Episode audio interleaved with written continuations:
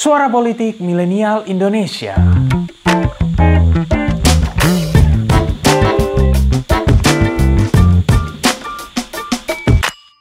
You see, before Raffles uh, came to Singapore, he actually spent a period of his life as the Lieutenant Governor of Java. This is Kenny Ting, salah seorang direktur di Asian Civilizations Museum Singapura yang tengah menjelaskan lukisan Thomas Stamford Raffles. Banyak orang percaya bahwa lukisan tersebut menggambarkan latar kisah Raffles sebagai seorang statesman asal Inggris dengan Singapura. Namun, detail lukisan yang menunjukkan beberapa relief Hindu dan Buddha di latar belakangnya itu sebetulnya menunjukkan relasi Raffles dengan Jawa. Ya, Jawa adalah kunci. Berasa pernah dengar kalimat itu di mana ya? Hmm.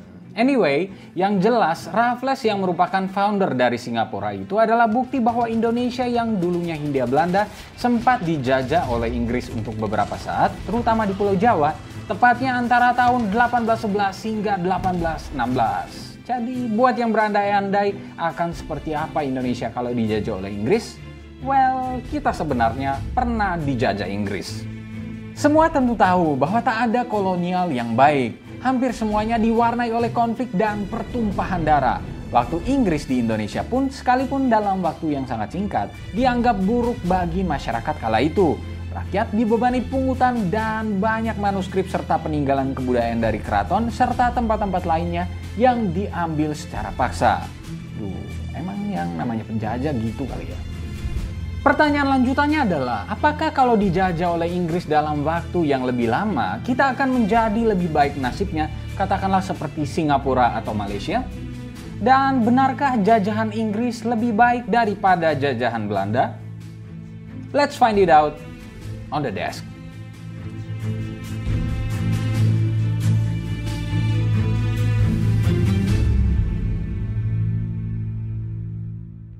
Sebelum bicara tentang what if Indonesia dijajah oleh Inggris, mari kita sedikit melihat wajah Inggris alias British Empire di tahun 1800 yang disebut-sebut sebagai the modern version of Kekaisaran Romawi, tapi dengan luas wilayah yang mencapai tujuh kali lipat dibandingkan Romawi.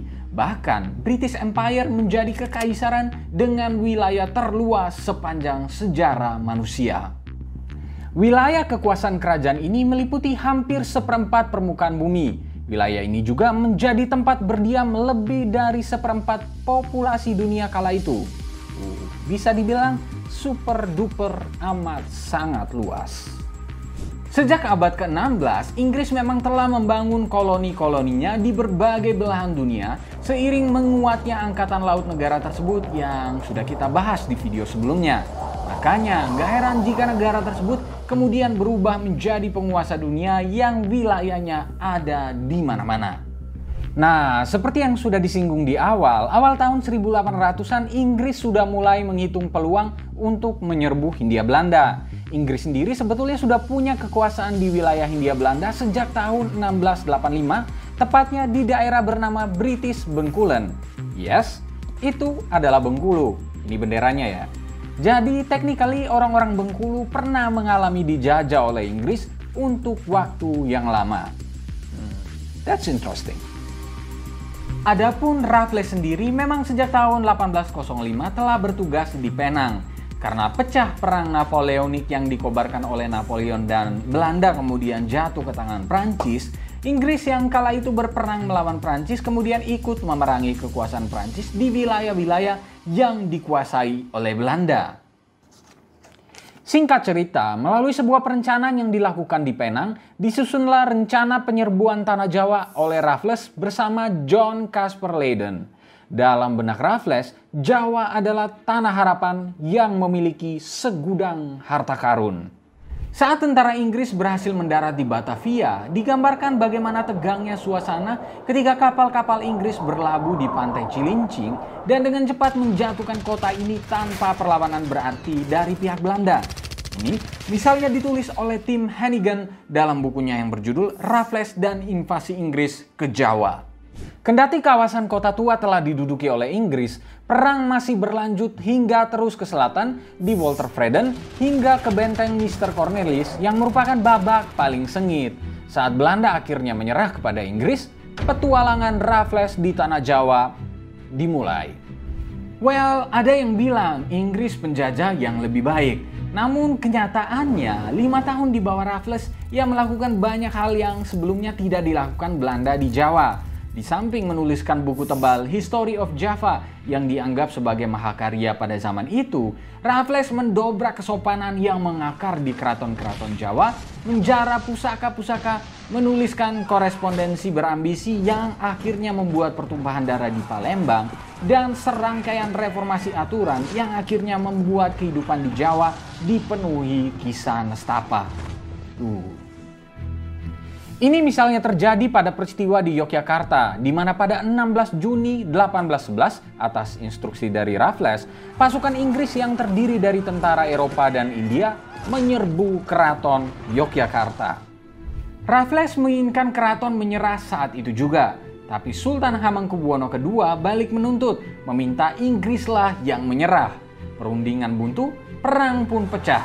Inilah peristiwa yang dikenal sebagai Geger Sapehi yang diwarnai dengan dinamika internal di keraton sendiri yang berujung pada lahirnya Paku Alaman. 11.000 prajurit Jawa ditambah seratusan ribu warga mati-matian mempertahankan kedaulatan Yogyakarta. Tapi meski unggul di jumlah, pasukan Jawa kalah strategi, belum lagi ditambah pengkhianatan dari dalam. Kemenangan Inggris atas Yogyakarta semakin mendongkrak ambisi Raffles menguasai tanah harapan. Pasca kemenangan tersebut, banyak benda pusaka dan manuskrip dari Keraton Yogyakarta yang diambil dan dibawa ke Inggris. Pada tahun 2010 misalnya, disebut ada sekitar 7.000 manuskrip Keraton Yogyakarta yang masih ada di Inggris.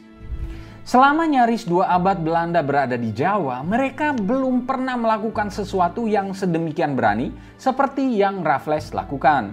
Belanda menghindari penyerbuan secara langsung terhadap keraton kemenangan Inggris atas Jawa sebenarnya bukan ditujukan untuk memperoleh kejayaan, tetapi uang. Inggris kemudian menetapkan aturan sewa tanah yang sangat tinggi hingga banyak petani yang terlilit utang karena hasil panennya tidak cukup untuk memenuhi biaya produksi. Sebagai gubernur, Raffles tidak menjaga dirinya dari sisi arogan dan agresif kolonialisme Inggris. Justru ialah yang menjadi pelopor sisi itu. Setelah Belanda terbebas dari cengkraman Napoleon dan memperoleh kemerdekaannya, Inggris pun mengembalikan Jawa kepada Belanda pada tahun 1816. Raffles membawa pulang sedikitnya ada 20 ton harta kekayaan berupa pusaka-pusaka dari Jawa ke Inggris dan setumpuk benang kusut masalah yang dibiarkan mengakar di tanah Jawa. Hmm. Oke, jadi gimana? Masih yakin lebih baik dijajah oleh Inggris? Lalu apa benar kita akan jadi lebih maju jika dijajah oleh Inggris dalam waktu selama penjajahan Belanda seperti yang dibilang oleh Pak Irman Gusman yang mantan ketua DPD dan pernah diciduk KPK itu? Well, jawabannya tentu saja tidak semudah itu berkesimpulan demikian. Yang jelas kalau dijajah oleh Inggris dalam jangka panjang, orang Indonesia mungkin akan lebih fasih berbahasa Inggris. You know, English is the language of money. Kemudian, bisa saja negara ini akan berbentuk federasi dan tentara kita mungkin akan ada yang ikut berjaga di istana Buckingham. Kita juga akan jadi bagian dari Commonwealth atau negara-negara persemakmuran Inggris. Kemudian, hukum kita bisa saja berhaluan common law dan bukannya civic law seperti sekarang ini. Lalu bahasa Indonesia mungkin akan lebih banyak menyerap kata dari bahasa Inggris ketimbang dari bahasa Belanda Tak akan ada kata om dan tante, mungkin juga berbagai kata lainnya yang diserap dari bahasa Belanda. Soal nasib, well banyak juga kok negara-negara bekas jajahan Inggris yang miskin, seperti di Afrika. Banyak koloni Inggris di Afrika yang dulu penduduknya diperdagangkan sebagai budak. Mungkin kalau soal korupsi masih bisa kita perdebatkan lagi lah argumentasinya. Tapi semuanya bergantung pada masyarakat dan pemimpin negara-negara bekas jajahan tersebut. Jadi, soal apakah Indonesia bisa jadi lebih baik jika dijajah oleh Inggris merupakan hal yang tak akan ada habisnya diperdebatkan.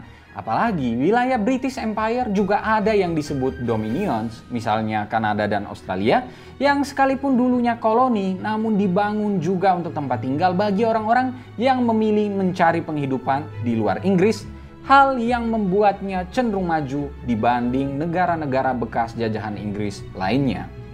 Yang jelas, kalau lihat lima tahun kekuasaan Inggris di Indonesia yang tujuannya adalah untuk uang semata, dan sekalipun membuat dokumentasi terhadap peninggalan kebudayaan di Indonesia, mereka nyatanya juga membawa banyak barang berharga keluar dari negara ini.